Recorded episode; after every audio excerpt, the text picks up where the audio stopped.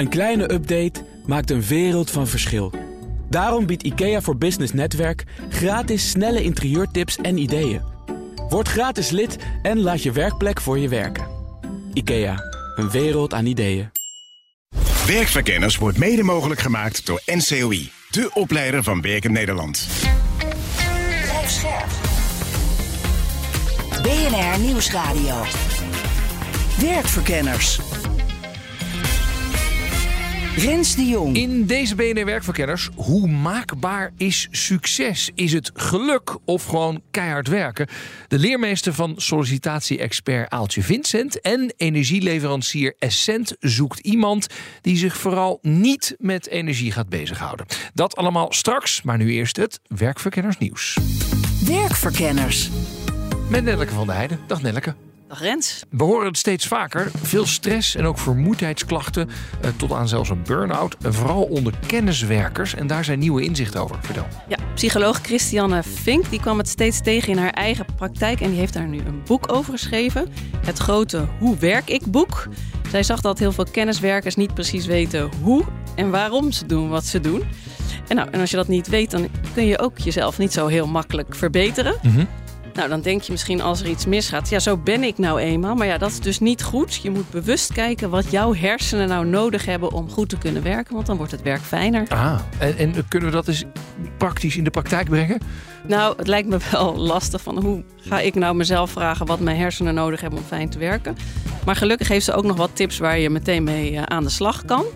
Bijvoorbeeld, ja, je moet contrast zoeken tussen je werk en je pauze. Dus als je de hele tijd naar een scherm zit te kijken als je aan het werk bent, dan moet je, dat weten we natuurlijk eigenlijk ook wel, in de pauze niet naar een scherm kijken. Ja, dat doe je soms wel, hè? Niet even een spelletje op je Ja, telefoon, precies, wat je ja. denkt dat heel ontspannend is. Of het nieuws gaan zitten scrollen. Je moet echt naar buiten, lekker gaan wandelen. En wat ook wel interessant is, als je nou bijvoorbeeld heel solistisch werkt, zit alles in je eentje te doen, dan is het goed om in de pauze juist anderen op te zoeken. Goed, eh, we gaan het allemaal bestuderen in dat nieuwe boek. Vorige week was er ook veel gedoe over internationale studenten. Ja, de Tweede Kamer wil dat inperken, want ze houden te veel plekken in de collegebanken bezet. En de weinige woningen die beschikbaar zijn, eh, die vullen ze allemaal op. Dus daar moest iets aan gebeuren. Minister zei ook, ja oké, onderwijsinstellingen tref maatregelen. En eh, verschillende universiteiten en hogescholen hebben ook al inderdaad gezegd... oké, we gaan even niet meer actief werven. Maar nu komt het bedrijfsleven in, eh, in actie. Ja. Want zij zien juist goede kansen voor de arbeidsmarkt en de economie. Want deze studenten die, die kunnen voorzien in een behoefte aan personeel. Ze zijn natuurlijk ook consumenten, ze kopen dingen. En het gaat dus niet alleen om werkgevers, maar de bezwaren komen ook gewoon van de bonden. Ja, die zeggen eh, to- toekomstige medewerkers, we, we hebben ze liever wel in ons Ja, land dan niet. blijven, ze blijven hier wonen en dan eh, worden ze prachtige arbeidskrachten. Ja, precies. Ander nieuws, dat gaat over zwangere vrouwen. In Nederland werkt 50% van de zwangere vrouwen onder onveilige omstandigheden. Vertel. Ja, een behoorlijk aantal. Nou, dat blijkt uit onderzoek van het Amsterdamse UMC.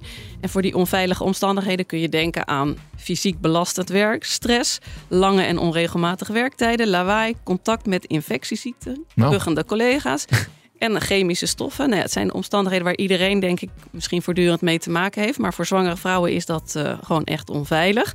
Het verhoogt namelijk de risico's op complicaties. Ja. Denk aan miskraam, vroeggeboorte, laag geboortegewicht en hoge bloeddruk. Nou, dat klinkt behoorlijk ernstig. Weten we iets van cijfers? Nou ja, als we er één voorbeeld uitnemen, die vroeggeboorte. Normaal heeft 7 op de 100 vrouwen daar last van. Maar onder deze omstandigheden gaat dat naar 10 op de 100. Schokkende cijfers. Ja, dan is natuurlijk de vraag, wat kun je eraan doen? Mhm. Dat is allemaal weer heel lastig, want alle verschillende partijen moeten samenwerken. Maar er zijn wel wat dingen die je meteen eh, kan doen. En dat is zorgen dat zwangeren goed geïnformeerd zijn. Mhm. Dat gebeurt op dit moment nog veel te weinig. 15% van de vrouwen is eh, op de hoogte van wat er allemaal aan risico's zijn. Nou, de werkgever is hiervoor verantwoordelijk. Dat is wel goed om te weten. Dus die moet zorgen dat de, de vrouwen weten waar ze mee bezig zijn. En wat ook belangrijk is, wat je ook kan doen, is eerder naar de bedrijfsarts gaan. Nu gebeurt het vaak dat iemand na 24 weken zwangerschap puffend bij de bedrijfsarts neerploft. Maar dat zou veel beter zijn als je dat na 10 of 12 weken al doet. Want dan kan er nog van alles eh, in de voorzorg gedaan worden. Goed, nou, we knopen het in onze oren. Dan goed nieuws over de statushouders. Ja, en goed nieuws voor grote corporates. Die hebben afgesproken om de komende tijd steeds meer statushouders als IT'ers eh, aan te nemen. statushouders voor de zekerheid nog even. Dat zijn vluchtelingen die in Nederland mogen blijven. Mhm. En dus mogen werken. En daar is een hele happening over geweest vorige Ja. week, hè? In de Johan Cruijff Arena. En eh, Wilma Rozenboom van de Refugee Talent Hub, die hebben we wel eens in de uitzending gehad. Die heeft dat allemaal in goede banen geleid. Dus die kan ons er misschien wel wat meer over vertellen. Nou, laten we even gaan bellen. Wilma, ben je daar? Ja, ik ben er. Ehm, eh, goed om je even te spreken. Ik begrijp dus dat het een succes is en dat bedrijven zeggen: wij willen steeds meer statushouders opnemen. Vertel. Dat klopt. Vorig jaar, dus april 2022, eh, hebben heel veel werkgevers, waaronder Microsoft, al gezegd: wij geven ons commitment af om eh, statushouders aan het werk te helpen.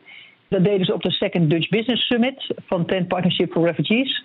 Toen zei Microsoft: 200 mensen gaan wij in de komende drie jaar toeleiden naar werk, dus opleiden in Microsoft Skills en ook aan het werk krijgen in ons partnernetwerk. En nu zeggen ze, bijna een jaar na dato, zeggen ze, nou, dit gaat eigenlijk best lekker. En de krapte neemt alleen maar toe in de IT-sector. Er is volop talent, dus de ambitie moet omhoog. Dit kan eh, hoger, breder, groter, ambitieuzer. Dus het nu worden er ze- 500. Dus het worden er 500 in dezelfde periode. Dus dat betekent eh, nou ja, vanaf nu eh, iets meer dan twee jaar. Ja. Eh, in totaal 500. Is het aan het schuiven dat, dat inderdaad corporates echt steeds meer geïnteresseerd zijn in die statushouders, dus vluchtelingen die mogen blijven in Nederland? Ja, ik denk dat het aan het schuiven is. En terecht ook. Er zit natuurlijk superveel talent in deze groep. En dat wordt steeds zichtbaarder. En dat is onder druk natuurlijk van de huidige arbeidsmarkt. Maar dat is een, een mooi gegeven, denk ik. Ja, 500 IT'ers aan het werk helpen. Het is voor de arbeidsmarkt wordt het er niet heel veel minder krap op, maar ik kan me wel voorstellen dat het een enorme impact is op de statushouders. Dat sowieso. 500 banen is 500 levens en 500 gezinnen die je verandert. Dus de impact op de personen is sowieso heel erg groot. Het zijn ook niet alleen IT'ers. Het zijn ook mensen die eerst iets anders deden en nu worden omgeschoold tot IT'er. En vooral ook, dit ga je natuurlijk kopiëren naar heel veel andere sectoren. We hebben het ook vorige week in de arena ook gehad over de energietransitie bijvoorbeeld. Dat is ook zo'n sector waarvan je in samenwerking met heel veel bedrijven grote aantallen statushouders eh, gezamenlijk zou kunnen opleiden en eh, aan de slag zou kunnen laten gaan. Ja. Komt er veel bij kijken, meer dan bedrijven zich realiseren? Bij het werken met statushouders, Ja. bedoel je? Ja en nee. Het wordt ook soms gepro- geproblematiseerd. Je moet vooral kijken hoe kan ik zorgen dat ik deze mensen zich goed thuis kan laten voelen bij ons op de werkvloer. Maar dat wil je eigenlijk bij alle werknemers. Dus ja, je moet wat extra begeleiding bieden in veel gevallen en taalondersteuning wellicht bieden. Maar het hoeft allemaal niet zo gek ingewikkeld te zijn. Ik ik zag eh, in een artikel in het Financieel Dagblad staan... eh, het recruteren van statushouders moet tot een chefzagger gemaakt worden. Was dat een uitspraak van jou? Ja, leuk. Nee, dat is een eh, uitspraak van Manon van Beek. Dat is de voorzitter van, van ons bestuur van de Refugee Talent Hub. Ah. Maar ook de CEO van Tenet. En zij zegt dat inderdaad en, en doet dat ook en vindt dat ook. En roept ook collega-CEO's op om het inderdaad tot chefzagger te maken. En eh, zichzelf voor in te zetten. Hey, en Wilma, welke bedrijven doen er allemaal mee? Sowieso al sinds vorig jaar doen bedrijven mee zoals Accenture, Unilever, ABN AMRO, Tenet en de partijen die afgelopen week aan tafel zaten in de arena en die meteen hebben gezegd samen met Microsoft, oké jongens, doe allemaal mee.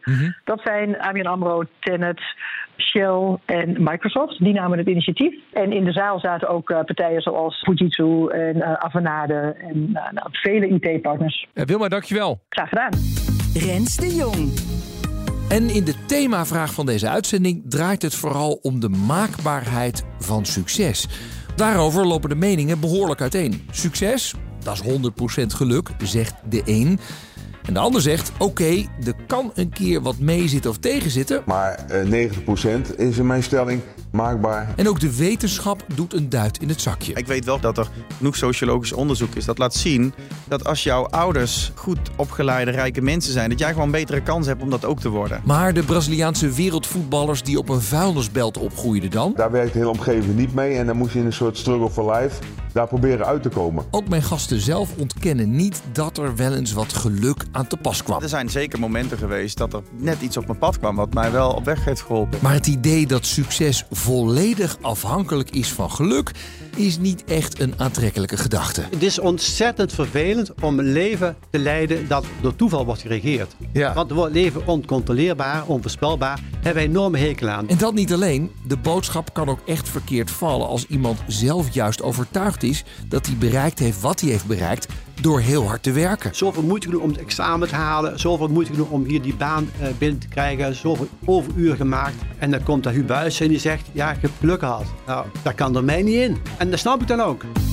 Werkverkenners. Waar je geboren bent, welke talenten je hebt, daar heb je geen invloed op. En ze zijn wel bepalend voor succes. Is succes dan helemaal niet maakbaar? Mijn eerste gast denkt van niet. Ik ben uh, Huub Buijsen. Ik ben van huis uit psychogerontoloog. Dus eigenlijk de studie van uh, ja, levenslooppsychologie, laat ik het zo maar noemen. En u heeft uh, meerdere boeken geschreven. Heel veel boeken op uw naam staan. Dat zijn er inmiddels 47. 47. En het laatste boek heeft nogal wat stof doen opwaaien. Ja, de boek Waarom succes en kwesties van geluk. Dat is inderdaad. Dat heb ik met mijn vorige boeken nooit gehad. Dat mensen gingen protesteren of zeg ik ben het er niet mee eens. Maar dit had ik ook van tevoren wel gedacht hoor. Dat dit thema mensen niet meteen zou, uh, niet, niet meteen zou het wat juichen van dat klopt helemaal. Ja, want uh, krijgt u veel protest? Nou, twee jaar geleden, het was eigenlijk daags voor de Tweede Kamerverkiezingen, had ik een opiniestuk in de Volkskrant geschreven. Daar stond boven van uh, succes is een kwestie van geluk. En daarom moeten mensen met veel mazzel, ook Rutte, moeten links stemmen. Oh, en uh, daar kreeg u nogal wat reacties op? Ja, wel. Ik herinner me eentje van, die zei van, als een psycholoog dat tegen mij zou zeggen in de spreekkamer, dan zou ik hem achter zijn bureau aan de stropdas naar voren rukken en uh, halvering eisen van het honorarium. Want hij vond dat hij het helemaal toch zelf gemaakt had. Ja, eh, mensen zijn denk ik best snel boos als je zegt... het succes dat je hebt in je leven hangt voor een heel groot gedeelte eigenlijk alleen maar van geluk af. Ja, ja. Hoe maakbaar is succes eigenlijk? Ja, wij denken dat het maakbaar is. Maar als je ehm, door gaat vragen. Ik ga maar eens terug. Ga ik even naar Nederland toe. Hè. Stel eens voor hè, dat je 100 jaar geleden geboren was. Als vrouw zijnde. Hoeveel kans had je dan gekregen? Hmm. Dan had je heel veel geluk. Als je passie was, huisvrouw zijn, kinderen opvoeden. Dan had je veel geluk. Maar als je andere, andere aspiraties had, dan uh, was de kans bijna niet heel. Ja. Maar goed, dat is de start van het leven. Die, die geef ik u helemaal uh, te, te doen. Maar daarna beginnen we iets meer invloed te krijgen. En daar begint ook de schuring op te treden. Nou, mensen ja. denken, ja, maar wacht even. Die zweetdruppels op mijn rug, dat was echt geen geluk. Dat was hard werken. Dat was ook hard werken. Ja, maar ik zie het zo. Hè. Kijk, hard werken, dat is ook nodig. Je moet ook je, je talenten die je hebt, die heb je ook al sowieso niet van jezelf. Die heb je ook gekregen. Je discipline heb je ook niet van jezelf. Die heb je ook gekregen, want die bepaalt door degene. En wat je de eerste zeven jaar doet, blijkt uit onderzoek. Mm -hmm. Dus dan ben je eigenlijk helemaal klaar met je discipline op rond de zevende. Maar toch even, hè? u zegt ja. het talent, dat heb je ook maar gekregen. Dat, ja. Daar kun je best over debatteren. Malcolm ja. Gladwell die zegt, ja, je moet gewoon 10.000 uur iets doen. Dan word je er beter in. Nou, hè, met je zweetdruppels. En dan, en dan kun je boven de rest uitstegen. Dus het is gewoon hè, de stamina hebben, om even in slecht Nederlands te blijven. Ja, is goed, hè? Ja, helpt. Ja, goed. Ik was in mijn jeugd, besteed ik alle tijd aan voetballen. Ja. Alle tijd. Weet je hoe hoog ik geschopt heb? Dat het vierde elftal in plaats van het dorpje al vijf elftallen hadden. Ja. En ik, en ik stopte alle tijd in. Ik had stamina dat, ja, ik heb er zeker 10.000 uur besteed. Ja. Dus ik had dat talent gewoon niet. Is het echt alleen maar toeval die het bepaalt? Dat is mijn vraag. Kijk, ik, het is een onderdeel, ben ik helemaal mee eens. Maar is het echt het ding? Ja, het is het ding. En waarom? Omdat je het talent, dat krijg je. Ja, ook talent is toeval, zeg Kijk, op de keper beschouwd is talent toeval. Dat krijg je gewoon. Dat krijg je. Daar heb je gewoon niks voor gedaan. Nee. Het ontwikkelen van, maar net wel zegt ook, het ware talent is eigenlijk het talent om te oefenen. Maar dat is ook weer gegeven, want zeg maar, bij, uh, er zijn mensen, die zult ze vast kennen, die hebben veel talent en doen er niks mee. Ja. Maar die hebben die gave niet om iets dat talent in te zetten. Dus ook zeg maar, het, het IQ, zeg maar, dat is, dat is een stuk van talent. Dat krijg je. Maar ook zeg maar, de discipline om met dat talent aan de slag te gaan, dat krijg je ook. Nee, dat leer je zelf toch aan? Nee, dat krijg je niet. Kijk, dat is uh, Wil Tiemeijer, een professor die zich zeven lang gespecialiseerd heeft in discipline, zelfcontrole. Een boek over geschreven, die zei van 60% van de discipline, dat krijg je genetisch, dus Mhm. via, via, via genen. Die 40 die overblijven, die krijg je gedurende de eerste zeven jaar van je leven via de opvoeding. Die opvoeding, die krijg je van je ouders.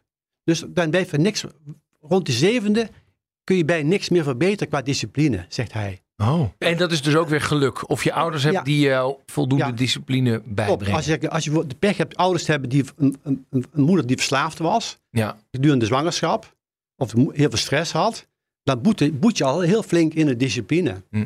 En als je een stimulerende omgeving hebt, heb je ook weer geluk. Ja. Ik begrijp dat u het beste voorbeeld van toeval de carrière van Poetin vindt. Ja, Poetin zelf, die had eh, geluk, echt veel geluk. Hij kwam uit een achterstandsbuurt. Zijn broer is overleden eh, op jonge leeftijd. Zijn moeder had er veel verdriet over. Maar hij kon heel goed judo. Mhm. En die koos hij juist bij de KGB. Dus daarom kwam hij bij de KGB uit. Ja. En eh, na de val van het IJzeren Gordijn had zijn carrière helemaal in het slop. En toen had hij geluk dat hij eh, een soort assistent-ritselaar kon worden van de burgemeester, de democratisch gekozen burgemeester van Petersburg. Dat was helemaal corrupt. Maar hij had iemand nodig die hem een beetje, ja, een beetje afschermen tegen de apparatchiks en de, de stugge ambtenaren. En daar is hij zijn carrière eigenlijk begonnen. Ja. Hij werd hij zelfs een lokale burgemeester. En zo ontdekte Jeltsin, ontdekte Jeltsin hem weer. Kijk, hij had, iedereen heeft kansen, iedereen heeft kansen. Maar die kansen zijn wel heel verschillend. Voor hem, hij had een hele, hele, hele kleine kans. Volgens mijn volgende gast is geluk juist maar een hele kleine factor. Mijn naam is Toon Gerbrands. Ik, eh, de meeste mensen kennen mij als eh, directeur van PSV, AZ en volleybalcoach. En auteur van heel veel boeken. Ja. En dat gaat vaak over successen behalen, toch? Ja, dat gaat over presteren en eh, dingen bereiken. Dus dat, eh, dat is de kern van de, de lijn waar ik gewerkt heb. En eh, de boeken die ik geschreven heb. Ja. Deze uitzending gaat over wat de factor geluk eigenlijk is in presteren en carrière. Hoeveel geluk heeft u eigenlijk gehad in, de, in, uw, in uw leven? Eh, een aantal keer. Ehm, alleen ja, het, het is grappig dat ehm, als je op die manier gaat, gaat praten, dan lijkt het of geluk de belangrijkste component is. En daar geloof ik zelf dus niet in. Nee, dat Want, begrijp ik. eh, ja. Nou ja, kijk, u bent presentator bij BNR. Is dat nou alleen maar geluk geweest? Of heeft u hard gewerkt? Of heeft u een opleiding gevolgd? Heeft u een route gevolgd? En daarbij komt een factor onbeheersbaarheid. En sommige mensen noemen dat, dat geluk. Ja, ik heb wel eens een keer een wedstrijd gehad dat een bal 2 of 3 millimeter in of uit ging in een volleybalwedstrijd. Ja, is dat nou klasse? Is dat geluk? Zag de lijnrechter het goed? Eh, bal binnenkant paal erin of eruit, ken ik uit de voetbalsport. Is dat geluk? Is dat klasse? Ja, zeg het maar. Dus die factor is aanwezig. Maar ik geloof dat er maar een hele beperkte rol is in het succes. Ja, ja, ik denk af en toe wel eens als mijn moeder niet naar de lokale omroep had gebeld omdat ik belvrees had. En dat ze zei, ik heb hier een roodharig jongetje zitten en die wil eigenlijk wel bij jullie op de sportredactie werken. Dat het misschien heel anders had kunnen lopen. Ja, maar uiteindelijk, dat is het bruggetje, dat, dat klopt. Maar uiteindelijk moet je het dan toch zelf waarmaken. Want als je dan niet eh, totaal ongeschikt bent, zeggen ze bij de radio van laat maar, we nemen een ander. Dus uiteindelijk is het leven niet helemaal eh, beheersbaar en, en controleerbaar. Dus er gebeuren wel eens zaken. Op een goed moment gaan mensen jou dan bellen. En dat soort zaken, dat begrijp ik heel goed. Maar uiteindelijk moet je het allemaal zelf waarmaken. En blijkbaar was het een mooi gezin dat de moeder toch heeft besloten dat kleine setje te geven. Ja. U bent er heel erg van overtuigd dat de- al, al dat succes maakbaar is, hè? Nou, ik, ik noem dat even mijn modelletje altijd 90%. Kijk, er zijn natuurlijk zaken bij van... eh, ik heb niet de concurrentie in de hand. Ik heb niet de, de problemen die in de wereld op dit moment zijn... op het gebied met, met oorlogen en gas en, en allemaal dat soort dingen. Dat heb ik allemaal niet in de hand. Dus met andere woorden, dat is allemaal niet maakbaar enzovoort. Maar ik kan hard aan de bak. Ik kan hard werken. Ik kan met de juiste mensen gaan praten. Ik kan intrinsieke motivatie tonen. Dus er zijn zoveel factoren waardoor er een soort fundament ontstaat. En daar geloof ik in. Ja, en dat het niet 100% maakbaar is, daar ben ik het mee eens. Ja, maar dan is de vraag, hè, je kunt ook al die dingen doen en nog steeds geen succes hebben. Dat klopt, dat zou kunnen. Maar eh, ik, mijn ervaring is wel dat als mensen echt uitstralen dat ze iets willen. Punt 1 is het allerbelangrijkste, is misschien wel het woord wat, wat u zegt: succes. Wanneer is er sprake van succes? En mensen gaan dat achteraf vaak lopen verklaren of vertellen waarom iets gelukt of niet gelukt is. En eigenlijk moet je succes durven te benoemen en uit te spreken.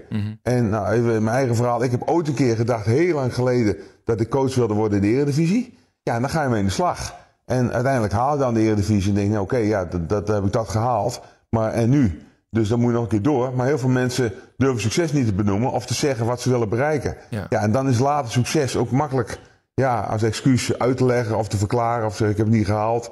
Of, of, er, is gewoon, of er is gewoon voor niet eh, voldoende hard aan gewerkt. Nee. Dat bestaat ook. Maar je zou ook kunnen zeggen, dit is allemaal achteraf wijsheid. Dus u heeft het gehaald, hè? En dan ga je dat inderdaad attribueren aan... ik heb ook de juiste keuze gemaakt en hard gewerkt en et cetera. Maar de factor Die Toon Gerbrands, die moeten we eens een keertje bellen voor die baan. En dat het dan inderdaad eh, doorrolde op een manier zoals het doorgerold is. Die laat je dan eigenlijk een beetje weg. En, en attribueer je alles aan jezelf. Ja, nou in mijn geval eh, is dat nog toetsbaar, omdat ik in interviews dingen heb geroepen. De, toen ik stopte als, als volleybalcoach heb ik geroepen, ik wil werkzaam blijven in, in, in de sportwereld. En ik heb heel veel andere dingen gewoon afgewezen. Dus met andere woorden, dat, dat is toetsbaar. Dat is niet voor iedereen in de maatschappij natuurlijk zo. Maar op het moment dat je in je omgeving uitspreekt wanneer er sprake is van succes, welke kant het opgaat, ja, dan is het toetsbaar gemaakt. Mhm. En ja, wat mijn ervaring is dat heel erg mensen dat durven of doen, want dan kan het misgaan. En dan moet je gaan uitleggen. Dan moet je zeggen, ja, ik heb het niet gehaald. Ja, dat bestaat natuurlijk ook. Een andere gast zegt, bijna alles komt door geluk. Wat vindt u daarvan? Nee, dat vind ik absoluut onzin. het is zo, ja, nee, kijk, het is zo dat eh, als je dit gaat, gaat eh, ik, ik heb ook met professoren gesproken die dan ook eh, daaraan gewerkt hebben en waarom is de een succesvol en, en de ander niet. Kijk, het enige geluk wat je meekrijgt in je leven is de genetica. Ja. Dus met andere woorden van, ja, je zal toch echt 80% snelle spiervezels moeten hebben om een goede sprinter te worden. En als je dit niet hebt, dan, dan, dan, ja, dan kom je niet ver. Ik ben, ik, ben, ik ben lang, dus met andere woorden, ik ben geschikt voor, voor een sport als volleybal of basketbal. Ja, als ik 1,50 ben, kom ik niet ver. Maar daar komt ook nog bij dat in de genetica ook nog bepaalde karaktereigenschappen zitten. Je krijgt dus inderdaad bepaalde karaktereigenschappen mee. De een die is daar wel uh, wat meer intrinsiek gemotiveerd en kan goed omgaan met tegenslagen. Ook een soort talent.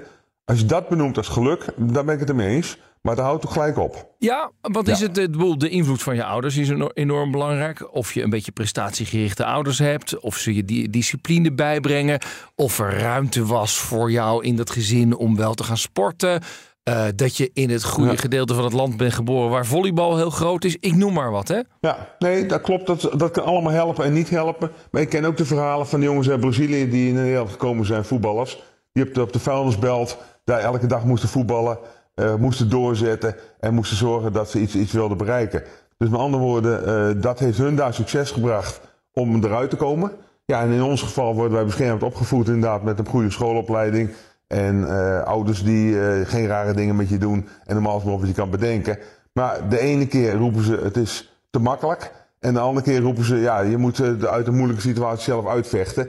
Dus ja, je ziet wat je wil zien, heb ik uit de psychologie ooit geleerd. Dus op het moment dat je dat vanuit het Braziliaans perspectief bekijkt, daar moet je dus knokken voor je leven. En dan kom je eruit en dan heb je een goede basis. En in ons geval kies je iets, op een iets makkelijke manier voor iets en kan het misgaan. En dan krijg je toch nog weer een andere mooie carrière. En mijn laatste gast zit, zoals een wetenschapper betaamt, in het genuanceerde midden. Ik ben Jos Akkermans. Ik ben eh, loopbaanonderzoeker bij de Vrije Universiteit in Amsterdam. Jij onderzoekt het specifieke loopbaansucces. Hè? Hoe maakbaar is loopbaansucces eigenlijk? Nou, dat begint, ik ben en blijf een wetenschapper, het begint bij de definitie van wat succes is. Mhm. Eh, als je kijkt naar het klassieke loopbaanonderzoek, dan was er eigenlijk vooral nadruk op wat we dan noemen objectief loopbaansucces. En dat gaat om extern meetbare, vergelijkbare zaken als promoties, salaris, status, dat soort zaken. Je ziet de laatste jaren dat er in het loopbaanonderzoek steeds meer een verschuiving is naar wat we dan noemen subjectief loopbaansucces. Dus dat gaat om ja, hoe blij ben je zelf eigenlijk met je progressie in je loopbaan? Heb je het gevoel dat je betekenisvolle bijdrages hebt geleverd? Dat soort zaken. Nou, vanuit maakbaarheidsperspectief is dat subjectieve loopbaansucces meer maakbaar. Je kan meer controleren of de dingen die je doet in lijn zijn met je waarden, dan dat je puur over die objectieve loopbaansucces eh, element hebt. Want dan ben je afhankelijk van een manager, van HR, van, van de beloningsstructuren en de promotiestructuren binnen organisaties. Dus dat, dat is in die zin gewoon minder maakbaar, omdat er altijd andere mensen zijn die zo'n beslissing voor jou moeten maken. Natuurlijk kan je keihard werken voor een promotie. Maar als je in een organisatie werkt waarbij er elk jaar 10% een stapje verder maakt, dat betekent dat er ook 90% is die dat niet doet. En hoe hard je ook werkt, het kan zijn dat je net buiten die 10% valt. Dat er mensen zijn die nog beter hebben gepresteerd dan jij. Of dat je toevallig gewoon pech hebt. Of verhalen die ik heb gehoord van mensen die ik ken over...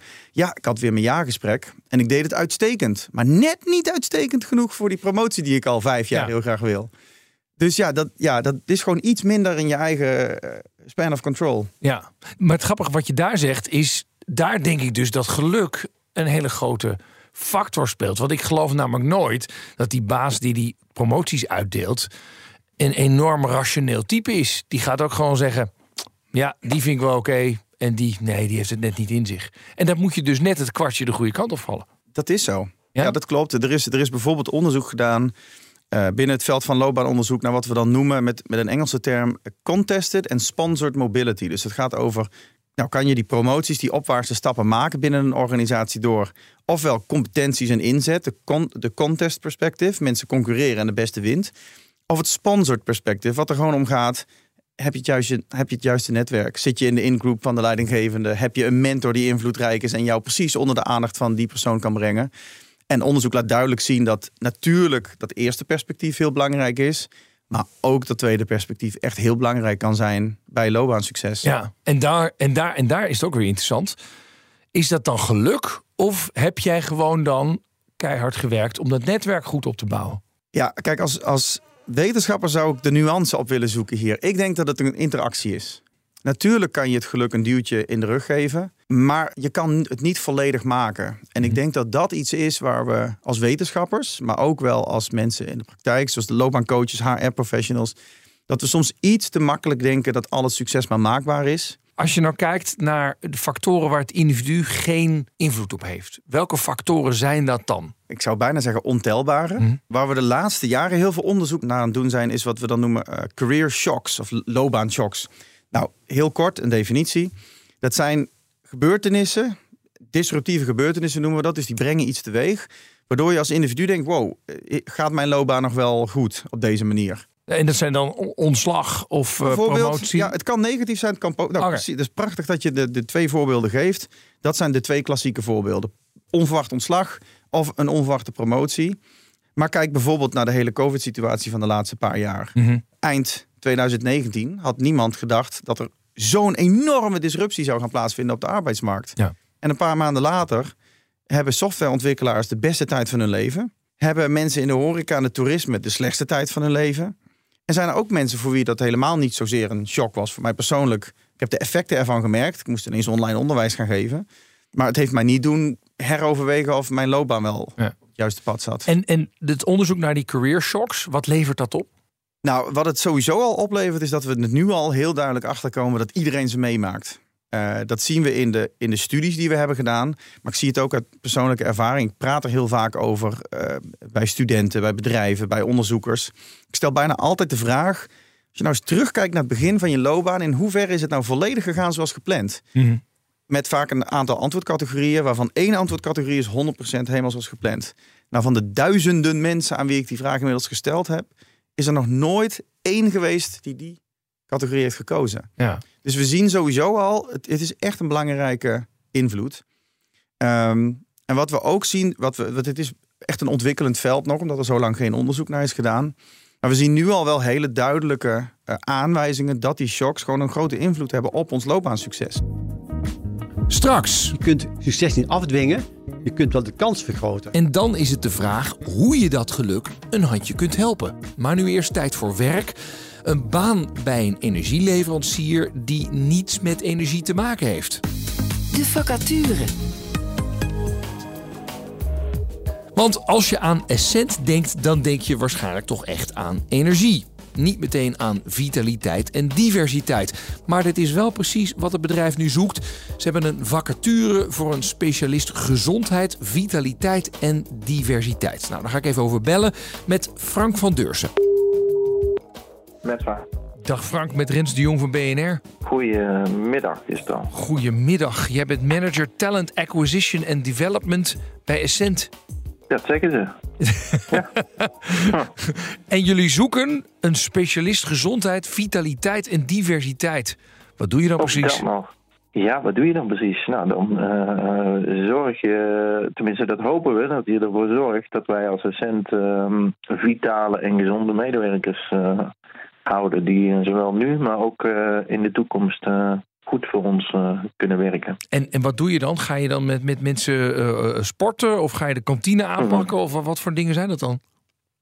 Uh, het is een beetje een combinatie. In deze rol zorg je er vooral voor dat je op nou ja, zeg maar beleidsmatig en procesmatig stuk zorgt voor wat je net zei. Dat mensen inderdaad voldoende kunnen ontspannen, kunnen sporten, bezig zijn met hun gezondheid. Uh, dus eigenlijk wat goed voor zichzelf zorgen. En in deze functie zorg je ervoor dat wij als docent in onze processen en alles wat we doen, eh, dat ook faciliteren. Ja, ja, ik kan me wel voorstellen als je dit een aparte functie maakt. Als ik zou solliciteren, zou ik wel willen weten: heb ik een beetje macht?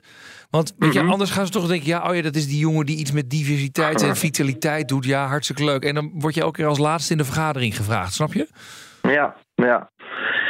Ja, wat is macht? Kijk, eh, het feit dat we hier hè, een, een aparte functie van maken. En ook het feit dat, we een, eh, dat het eigenlijk wel verankerd zit in de doelstellingen van ons als bedrijf, dus tot aan hè, eh, directie toe, eh, geeft je in ieder geval, ja, macht vind ik altijd een vervelend woord, maar geeft in ieder geval het belang aan wat we er met z'n allen aan hechten. En dat geeft je automatisch eh, ja, macht of autoriteit of beslissingsbevoegdheid. Dus het is inderdaad geen nice to have en we maken er een functie van en we kijken wel. Ehm, Jullie menen het echt. Ja, dit is gewoon net zo belangrijk als het behalen van onze bedrijfsresultaten. Ja. Ik, ik zag eh, bij de omschrijving van wie jullie zoeken, zeggen jullie: je hoeft je seksen, nationaliteit en leeftijd niet op het cv te zetten. Van, van waar deze overtuiging? Nou, omdat dat is helemaal niet relevant. Hè. Dat geldt eigenlijk voor heel veel functies. eh, eigenlijk voor alles geldt dat, eh, dat het niet relevant is welke seks of nationaliteit of achtergrond je hebt. Dus waarom zouden we dat dan naar vragen? Frank, ik heb nog één vraag. Eh, Ja. Secundaire arbeidsvoorwaarden. Ik, ik denk dat iedereen heel graag eh, eh, een, een, een, eh, een behoorlijke bedrijfskorting wil hebben op de energierekening. Ja. Kan dat Ja. geregeld worden? Nee, helaas voor onszelf ook niet. We zitten wat dat betreft met de rest van Nederland en ik denk wel de hele wereld in hetzelfde schuitje. Dat kunnen we helaas ook niet veranderen. Maar ik zag wel, ik zag wel, ik heb hier was er korting op je energierekening. Dus ik vroeg me wel af hoe hoog die korting dan is. Ja, dat is, een, eh, dat is eigenlijk korting. Daar kun je als, eh, als medewerker voor kiezen. Eh, korting op je energierekening of bijvoorbeeld op de producten voor, de, voor jezelf te verduurzamen. Dus zonnepanelen of isolatie of warmte. Eh, pomp, eh, daar, eh, ja, ik weet het zo niet uit mijn hoofd, maar dat is volgens mij een paar honderd euro per jaar. Ja, ja. Ja. Het, het, het, het ledigt niet meteen ons allemaal ons energieprobleem, zeg maar. En de nee, rekening. nee, nee, nee, helaas. helaas. Ja. Ehm, eh, wel een energieke omgeving. Dankjewel. Ja, oké, graag gedaan. Oké, hoi. Jo, hoi. Rens de Jong. Ja, geen oplossing dus voor energieproblemen, maar wel een werkomgeving met veel energie. Terug naar de maakbaarheid van geluk, want die is groot, zegt sportcoach en auteur van leiderschapsboeken Toon Gerbrands. Aan hem dan ook de vraag: hoe maak je een succes? De, de principes die ik hanteerde was punt 1, benoem succes. Dus met andere woorden van wat wil je bereiken? En da- daar ga je het er met elkaar over hebben. Dus als, als, als jij nu zegt, luister, ik wil graag een, een mu- muziek of een radioprijs gaan, gaan winnen. Nou, als dat het is, nou, dan gaan we alles dus heel strak organiseren. Als je nou, ik wil gewoon doorkabbelen en het gaat allemaal prima op deze manier, is het ook goed. Maar succes moet worden benoemd. Eh, Als ik dat niet heb, kan ik eigenlijk niet starten.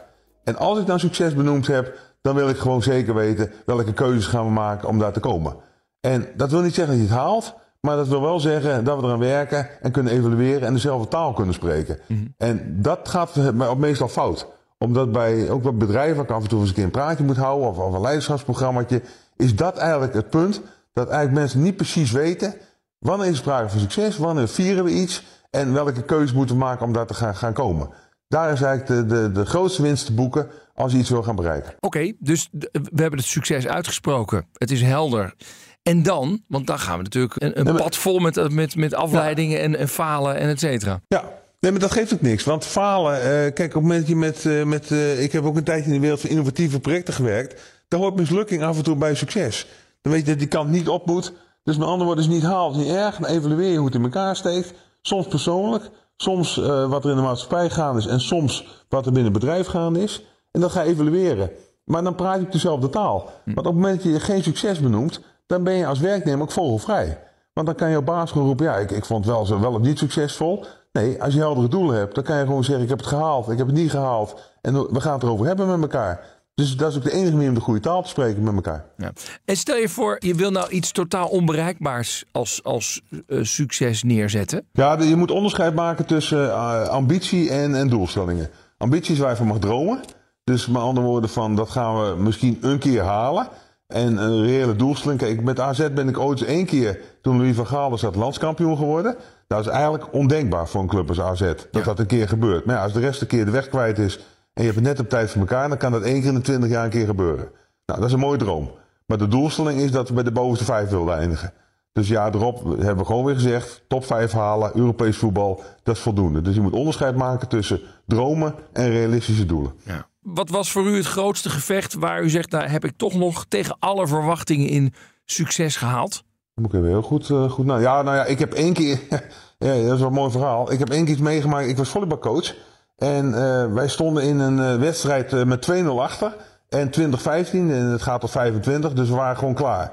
En toen heb ik tegen mijn assistentcoach gezegd: luister, dit is klaar dit seizoen. Dus wij, wij zouden de wedstrijd verliezen. Ik heb vijf man gewisseld, jonge spelers. En die keer die wedstrijd om, een lang verhaal kort te maken. Die wonnen die wedstrijd. Wonnen volgens nog vier wedstrijden, werden landskampioen. En terwijl ik dus, uh, ik had opgegeven. Ja. Ja, dus dat bestaat ook. En uh, dat heb ik later toegegeven. Dat, dat ik het niet meer zag zitten. En dat zij mij, uh, ja, die jonge spelers met een soort wonder de wedstrijd hebben omgekeerd. En uiteindelijk uh, vier, vijf wedstrijden later toch landskampioen zijn geworden. En is dit dan die 10% geluk? Of is dit toch uiteindelijk ook. Uh, uh, ja, dat is voor mij vanuit mijn perspectief geluk. Want ik, kan er mooi, ik had ook een mooi verhaal van kunnen maken. Vijf jongens ingezet, geweldig gedaan. En goed gezien allemaal. Was allemaal niet waar. Ja. Het was, ik was klaar. En ik denk, nou, dan laat ik die jongen, laatste jongens de laatste paar, paar, paar punten spelen. En dan zijn we klaar. Dus ik bedoel, zo eerlijk ben ik er dan ook over. Wetenschapper Jos Akkermans bekeek welke elementen loopbaansucces bepalen. Als je puur kijkt naar het onderzoek naar loopbaansucces, daar is al tientallen jaren ontzettend veel onderzoek gedaan. Wij hebben een jaar of zes, zeven geleden een, een review gedaan van allerlei loopbaanonderzoeken. En daar bleek ook loopbaansucces is met afstand het meest onderzochte thema. uh, is ook een soort van de ultieme loopbaanuitkomst natuurlijk. Ja. Succes bereiken. Ja. Uh, en het rijtje aan voorspellers is, is bijna eindeloos. Maar wat je wel ziet is ook in dat onderzoek dat er een hele duidelijke combinatie is van voorspellers op het individu, dus op het individuele niveau, en voorspellers in de context. He, dus we weten bijvoorbeeld, klassiek economisch onderzoek, human capital, het menselijk kapitaal. Denk aan opleiding, training, werkervaring. Dat is voorspellend voor loopbaansucces. Mm -hmm. Maar ook zaken die iets minder ontwikkelbaar zijn. We weten bijvoorbeeld dat bepaalde persoonlijkheidstrekken, uh, emotionele stabiliteit, conscientieusheid, dat betekent hoe georganiseerd je bent, doorzettingsvermogen. Uh, proactieve persoonlijkheid draagt ook positief bij aan loopbaansucces. Dus er is een hele rits en ook die loopbaancompetenties waar we het net over hadden, dat zijn allemaal voorspellers voor loopbaansucces, waarvan een deel, zeker ja, ervaring, competenties, die kan je in principe zelf ontwikkelen. Mm -hmm. Maar tegelijkertijd zie je dus ook allerlei factoren in de context die bijdragen. Uh, steun vanuit de organisatie, sociale netwerken, uh, mentoring. Het zijn allemaal factoren die Misschien kan je het een beetje proberen te sturen, maar uiteindelijk heb jij niet als individu heel veel invloed op de HR-systemen of de loopbaanpraktijken in nee. de organisatie. Dus ik denk wel dat er heel veel dingen zijn die je als individu kan doen. Dus maakbare elementen om beter met toeval om te gaan. Ja. Uh, of het soms af te dwingen. Maar ik vind het ook wel heel belangrijk om dat we ook onderkennen dat het niet altijd voor iedereen maar maakbaar is. Ik denk dat we daar soms als HR, als loopbaancoaches en onderzoekers echt een beetje te kort door de bocht gaan. En waar zie je dat dan te kort door de bocht gaat? Kortom, wat moet HR zich realiseren dat ja, toeval er is in het leven? Nou, één ding is überhaupt bewustwording. Dat zou al een hele goede start zijn. Dus als wij cv's beoordelen of bepalen wie we nou wel of niet als talent gaan bestempelen, dat je misschien iets meer maatwerk ook. En ik snap dat dat moeilijker is dan een soort eh, one size fits all. Maar ja, er gebeuren gewoon dingen, zoals dat je ineens mantelzorg hebt thuis. Of nou, dat er iets gebeurd is in je leven waardoor je misschien wel zelf ziek was en een tijdje even niet kon werken. Misschien heb je daar wel ontzettend veel van geleerd, wat nog veel waardevoller is dan dat je op je cv kan zetten dat je dat hele jaar gewerkt hebt. Ik denk dat dat, dat zou al helpen. En ik denk dat we ook soms moeten herwaarderen dat niet alleen het theoretisch geschoolde, managementgerichte werk heel waardevol is en, en, en succes is. Maar dat succes ook kan zijn dat je gewoon een ontzettende goede loodgieter bent. Want als ik een uh, groot probleem heb thuis, dan ben ik heel blij als ik een hele goede loodgieter heb. Die overigens een hele succesvolle loopbaan kan hebben. Mm -hmm. Maar dat mogen we ook wel eens wat meer waarderen, denk ik. De boodschap van psychogerontoloog Huub Buisen is... Succes wordt volledig door geluk bepaald. Maar toch gelooft hij dat je het geluk wel een handje kunt helpen. Je moet dus wel je inspannen. Je moet je best doen.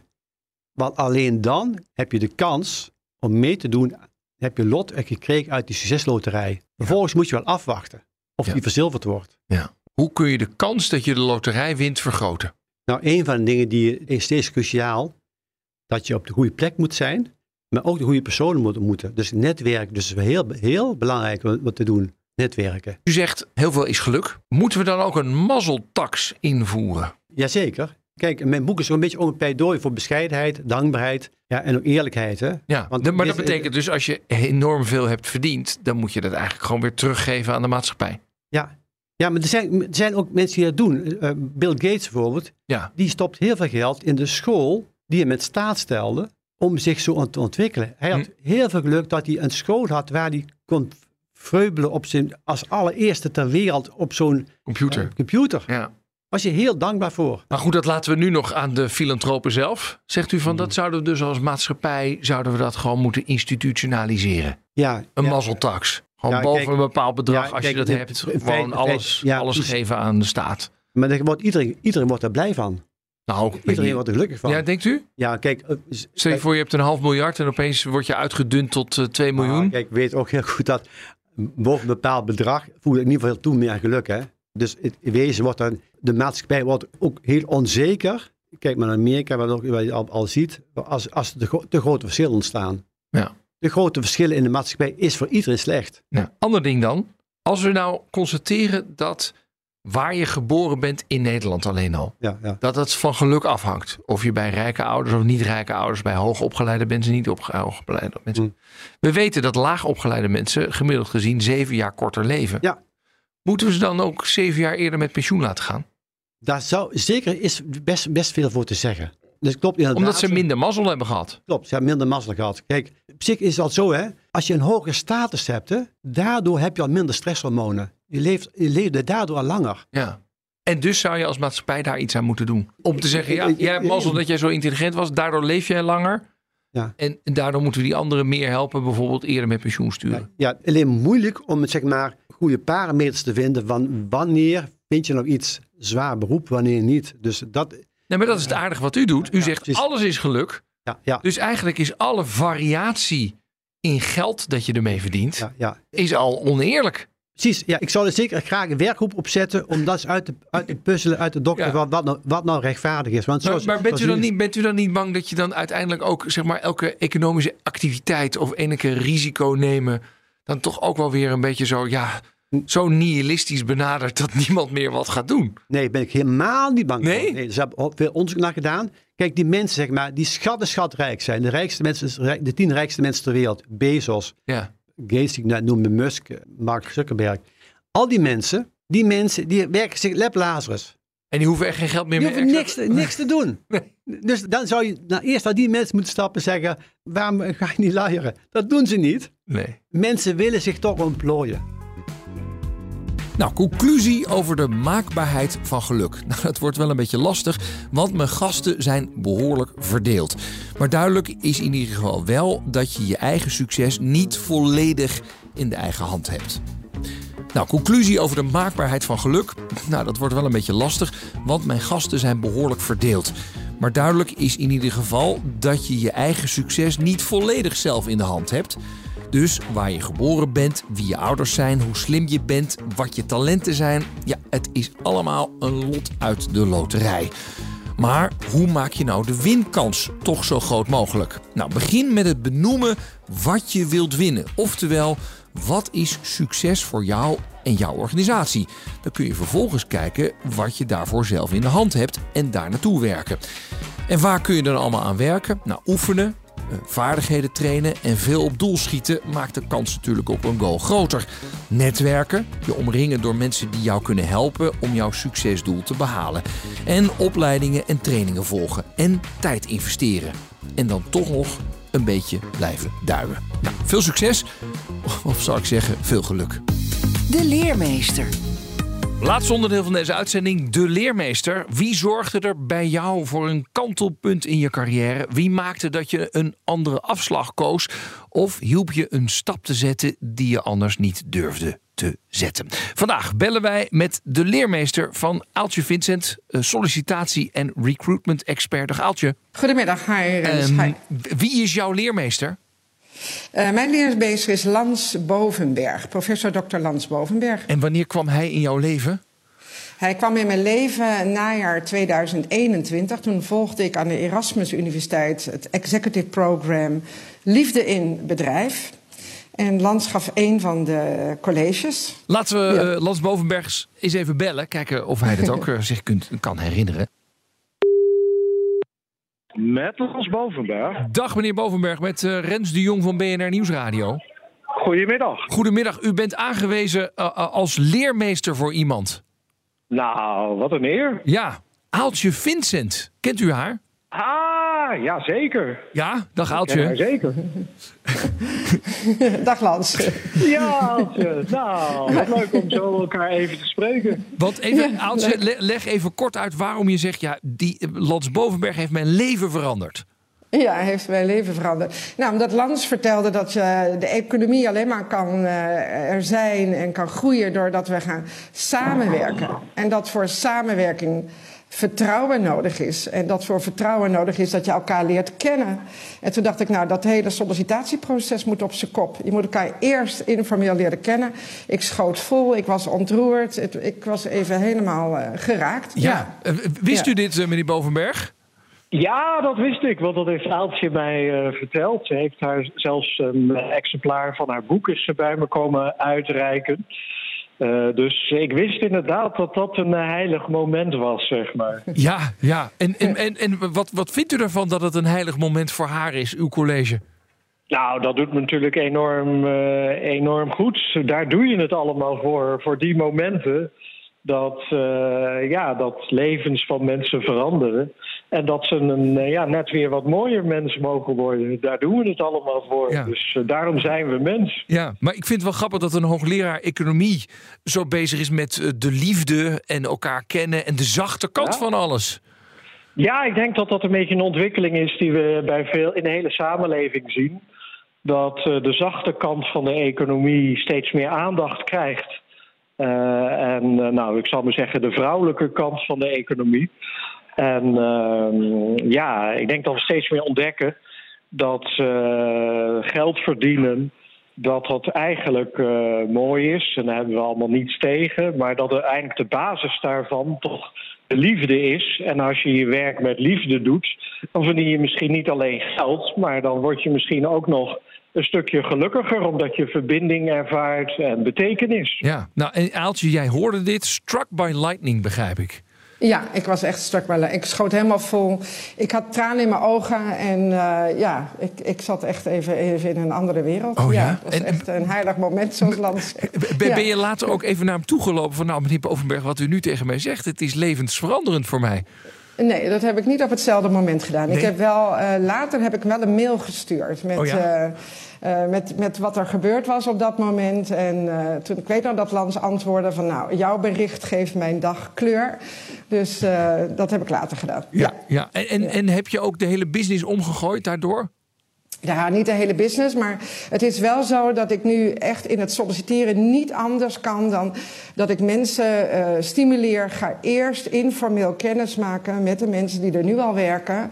Om te besluiten of je gaat solliciteren en of dat je een ja zegt tegen een nieuwe samenwerking. Dus ja. het is voor mij nu gewoon uh, vaststaand, uh, adagium, eerst informeel kennis maken. En ja, gelukkig steeds meer werkgevers zijn hier ook mee bezig, maken dit mogelijk. Uh, stellen open dagen voor, et cetera. Dus ja. het is echt gaaf. Ja, ja om de nou, wereld op die manier mooier te maken. Goed, nou, meneer Bovenberg, dat, de basis is liefde. En uh, u hoort, uh, daar worden toch hele bedrijfsmodellen omgegooid, als, als ik het zo hoor. Ja, zeker. Ik geloof zelf dat liefde uiteindelijk de basis is van alles. Ook het bedrijfsleven ja. uiteindelijk. En het is goed om af en toe toch weer terug te gaan naar die fundamenten. Ja. Aaltje, wil je nog iets zeggen tegen de, tegen de, de, tegen de hoogleraar? Ja, Lans, nou ja, ik hoop van harte dat je nog ongelooflijk veel mensen mag raken met jouw boodschap. Dat liefde het fundament is waarop we met z'n allen kunnen groeien. Dus ik wens je alle liefde en succes om dit te delen. Ja. Nou, dankjewel, Aaltje. uh, dat, uh, dat had ik niet mooier kunnen zeggen. Nou, het is fijn om jullie even weer te connecten met elkaar. Dank jullie wel. Ja, dank je wel. Ja, dank je wel. Oké. Okay. Fijne dag. Dank je wel. Ja, hoi, hoi, fijne dag. Dit was Werkverkenners voor deze week. Volgende week dan krijg je weer een verse op dinsdag om 3 uur. En in je podcast-app kun je hem op ieder moment terugluisteren. Productie en redactie Nelke van der Heijden en Emma Somsen. Mijn naam is Rens de Jong en graag tot de volgende keer. Dag. Werkverkenners wordt mede mogelijk gemaakt door NCOI, de opleider van Werken Nederland. Een kleine update maakt een wereld van verschil. Daarom biedt IKEA voor Business Netwerk gratis snelle interieurtips en ideeën. Word gratis lid en laat je werkplek voor je werken. IKEA, een wereld aan ideeën.